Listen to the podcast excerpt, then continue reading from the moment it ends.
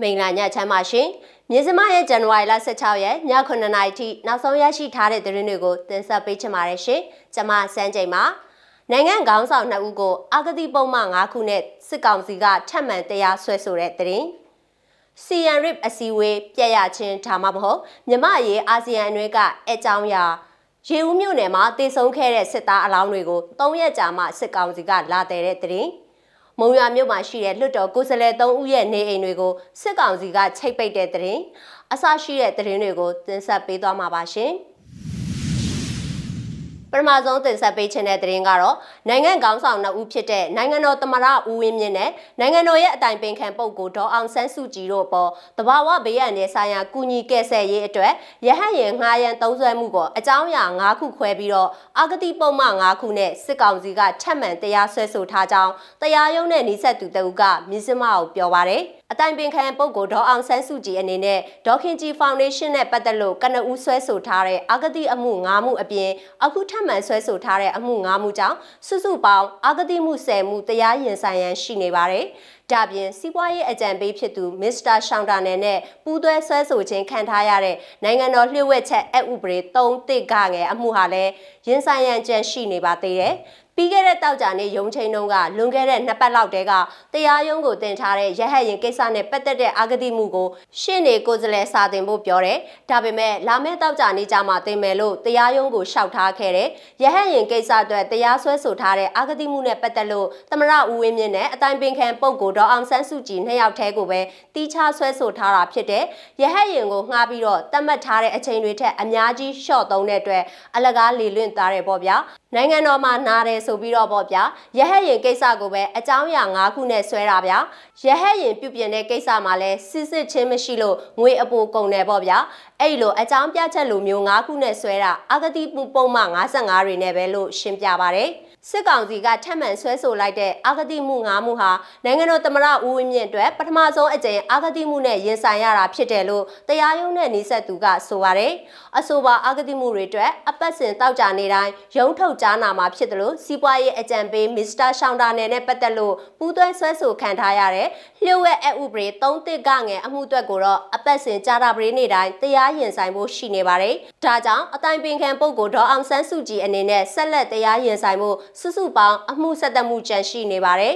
။ အတိုင်းပင်ခံပုဂ္ဂိုလ်ဒေါ်အောင်ဆန်းစုကြည်ပေါ်စစ်ကောင်စီကနေပြည်တော်စပူတီရီတရားရုံးမှာဆွဲဆိုထားတဲ့တဘာဝဘေးအမှုနှမှုစူပူအောင်လှုပ်ဆောင်မှု905ခခွေပုတ်ကုံသွင်းကုံအမှုနဲ့ဆက်သွယ်ရေးပုံမှန်အမှုစတဲ့9မှုအတွက်ထောင်ဒဏ်အသီးသီးချမှတ်ထားပါတယ်။ဒါပြင်စစ်ကောင်စီကတမရဦးဝင်းမြင့်နဲ့အတိုင်းပင်ခံပုဂ္ဂိုလ်ဒေါ်အောင်ဆန်းစုကြည်တို့နှစ်ဦးအပေါ်2020ပြည့်နှစ်ရွေးကောက်ပွဲကာလတွင်မဲမတမာမှုဆိုင်ရာဆွဆွဲချက်နဲ့တရားစွဲဆိုထားတယ်လို့ဆိုပေမဲ့လည်းလက်ရှိမှာတရားရုံးကိုအမှုတွဲတက်မလာသေးကြောင်းဆိုပါရရှင်။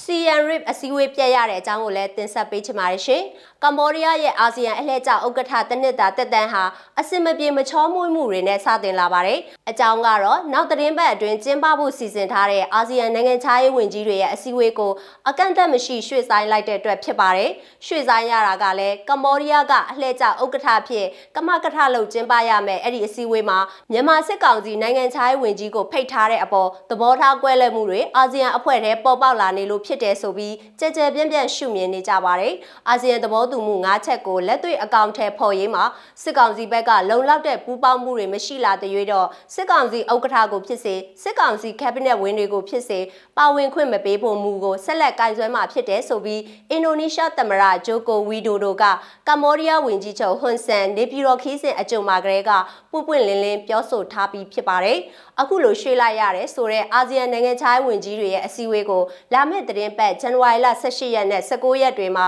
ကမ္ဘောဒီးယားအနောက်မြောက်ပိုင်းအပန်းဖြေမြို့ဖြစ်တဲ့စီယန်ရစ်မှာပြုလုပ်ဖို့စီစဉ်ထားတာဖြစ်ပါတယ်။ အခုလိုစီယန်ရစ်အစည်းအဝေးရွှေ့ဆိုင်လိုက်တာဘယ်ရက်ထိဆိုတဲ့အတိအကျရက်ချိန်မျိုးလဲထွက်မလာတဲ့အတွက်အကန့်အသတ်မရှိရွှေ့တယ်ဆိုပြီးဒေတာရင်းသတင်းတွေမှာရည်ညွှန်းပြောဆိုကြကြောင်း BBC ရဲ့သတင်းတရက်မှာဖော်ပြထားပါတယ်။ဒါပြင်မလေးရှားဝန်ကြီးစာအီဖူဒင်လိုပဲမြန်မာဒီမိုကရေစီအရေးထောက်ခံအားပေးပြီးစစ်အာဏာသိမ်းမှုအပေါ်ပေါ်ပေါ်ထင်ထင်ကန့်ကွက်ရှုတ်ချနေကြတဲ့ဒေသတွင်းအာဆီယံနိုင်ငံတွေကဝန်ကြီးတွေဟာ CN RIP အစည်းအဝေးကိုရှောင်တာမြန်မာအရေးကြောင့်ဖြစ်တယ်ဆိုပြီးတန်တမန်အတိုင်းဝိုင်းနဲ့ကြကြပြန့်ပြန့်ရှုမြင်နေကြပါတယ်။မြမအရေးလို့ဆိုရမှာနေပြည်တော်အာနာသိန်းစစ်ကောင်စီနဲ့ကြားဆက်ဆံရေးထူထောင်ထားတဲ့အင်ရှင်ကမ္ဘောဒီးယားဟာစစ်ကောင်စီကနိုင်ငံခြားဝင်ကြီးကိုအခုအစည်းအဝေးမှာပါဝင်စေမှာဖြစ်တဲ့အတွက်ဥဝနမောင်လွင်နဲ့မဆုံချင်တဲ့အတွက်အခုလိုအကြောင်းပြရှောင်လဲနေကြတာဖြစ်တယ်ဆိုပြီးပြောဆိုတုံ့တက်နေကြပါတယ်။အင်ဒိုပစိဖိတ်ဒေသတလွှာငြိမ်းချမ်းရေးနဲ့တည်ငြိမ်ရေးအတွက်သူခမဲအကြံပေးအဖွဲ့တစ်ခုဖြစ်တဲ့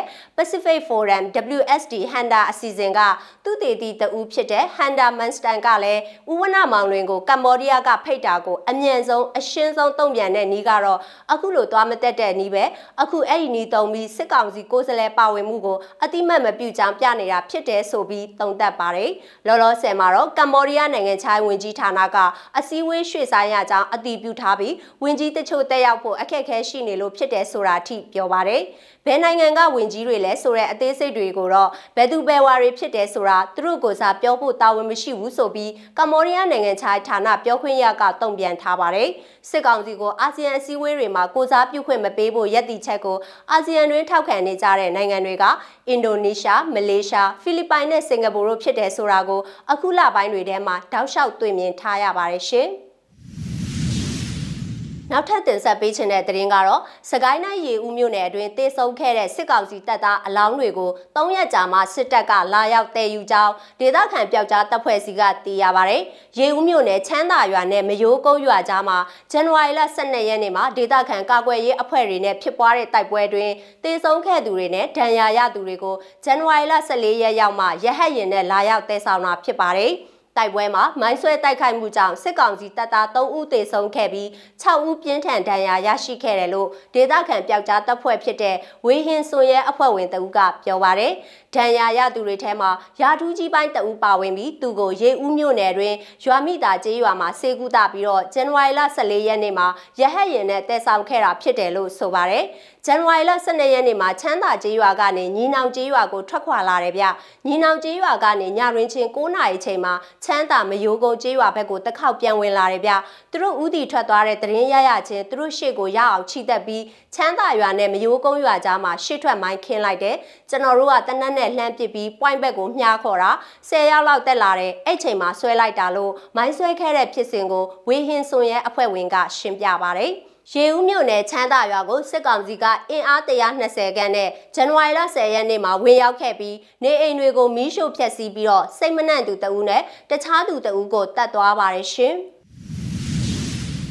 နောက်ဆုံးတင်ဆက်ပေးခြင်းတဲ့သတင်းကတော့စကိုင်းတိုင်းမုံရွာမြို့မှာရှိတဲ့အမျိုးသားဒီမိုကရေစီအဖွဲ့ချုပ်ပါတီဝင်လွတ်တော်ကိုယ်စားလှယ်၃ဦးရဲ့နေအိမ်တွေကိုစစ်ကောင်စီတပ်ဖွဲ့ကဗီတိုင်းကပ်ပြီးတော့ချိတ်ပိတ်သွားကြောင်းဒေသခံတွေစီကသိရပါဗျ။စစ်ကောင်စီကဘာတွေဘလို့ပဲလှုပ်လှုပ်ပါပြည်သူနဲ့သူပြည်သူအရေးတော်ပုံအောင်နိုင်ပြီးမြောက်တဲ့အထိဆက်လက်တော်လှန်တိုက်ခိုက်သွားမှာပါလို့နေအိမ်ချိတ်ပိတ်ခံခဲ့ရတဲ့မုံရွာမြို့နယ်အမှတ်၁လွတ်တော်ကိုယ်စားလှယ်ဒေါ်အမာကြီးကပြောပါဗျ။ မုံရွာမြို့ရုံကြီးရက်ကွက်စရေးတန်းလမ်းမှာရှိတဲ့နေအိမ်ကိုဒီကနေ့ဇန်နဝါရီလ16ရက်မှာချိတ်ပိတ်သွားတာဖြစ်ပြီးလူနေထိုင်ခြင်းမရှိဘဲအာနာသိမ့်ပြီးနောက်သူ့ကိုပုံမှန်905ခခွေနဲ့တရားစွဲဆိုချိန်ကစတင်ပြီးရှောင်သိမ်းနေခဲ့တာဖြစ်ကြောင်းသူကဆိုပါတယ်သူ့ရဲ့နေအိမ်ဟာမိဘတွေလက်ထက်ကလေးကအစင်တစိုက်နေထိုင်လာတဲ့အိမ်ဖြစ်ပြီးကာလတန်ဖိုးအဖြစ်ခံမှန်းချေ7သိန်း1500ခန်းရှိနိုင်ကြောင်းပြောပါတယ် တစ်ချိန်တည်းမှာပဲမုံရွာမြို့နယ်အမှတ်နှစ်တိုင်းဒေသကြီးလွှတ်တော်ကိုယ်စားလှယ်ဒေါ်အောင်ကြီးနေအိမ်နဲ့ပြည်သူ့လွှတ်တော်ကိုယ်စားလှယ်ဟောင်းဦးညွန့်အောင်တို့ရဲ့နေအိမ်တွေကိုလည်း V9 ကချိတ်ပိတ်သွားကြောင်းအတည်ပြုပြောဆိုပါရယ်အာနာရှင်စနစ်အမြင့်ပြတ်ပြီး Federal ပြည်ထောင်စုကြီးပေါ်ပေါက်လာတဲ့အထိပြည်သူနဲ့သူလက်သွဲမဖြုတ်စတန်းဆောင်ရွက်သွားမှာဖြစ်ကြောင်းလွှတ်တော်ကိုယ်စားလှယ်ဒေါ်အမာကြီးကဆိုပါရရှင်။ ညစမရဲ့ဇန်နဝါရီလ16ရက်ည9:00နာရီထိနောက်ဆုံးရရှိထားတဲ့သတင်းတွေကိုတင်ဆက်ပေးခဲ့တာပါကြည့်ရှုအားပေးတဲ့အတွက်ကျေးဇူးအထူးတင်ရှိပါတယ်မြန်မာပြည်သူတွေဘေးရန်တဲ့အပေါင်းကကင်းဝေးကြပါစေရှင်။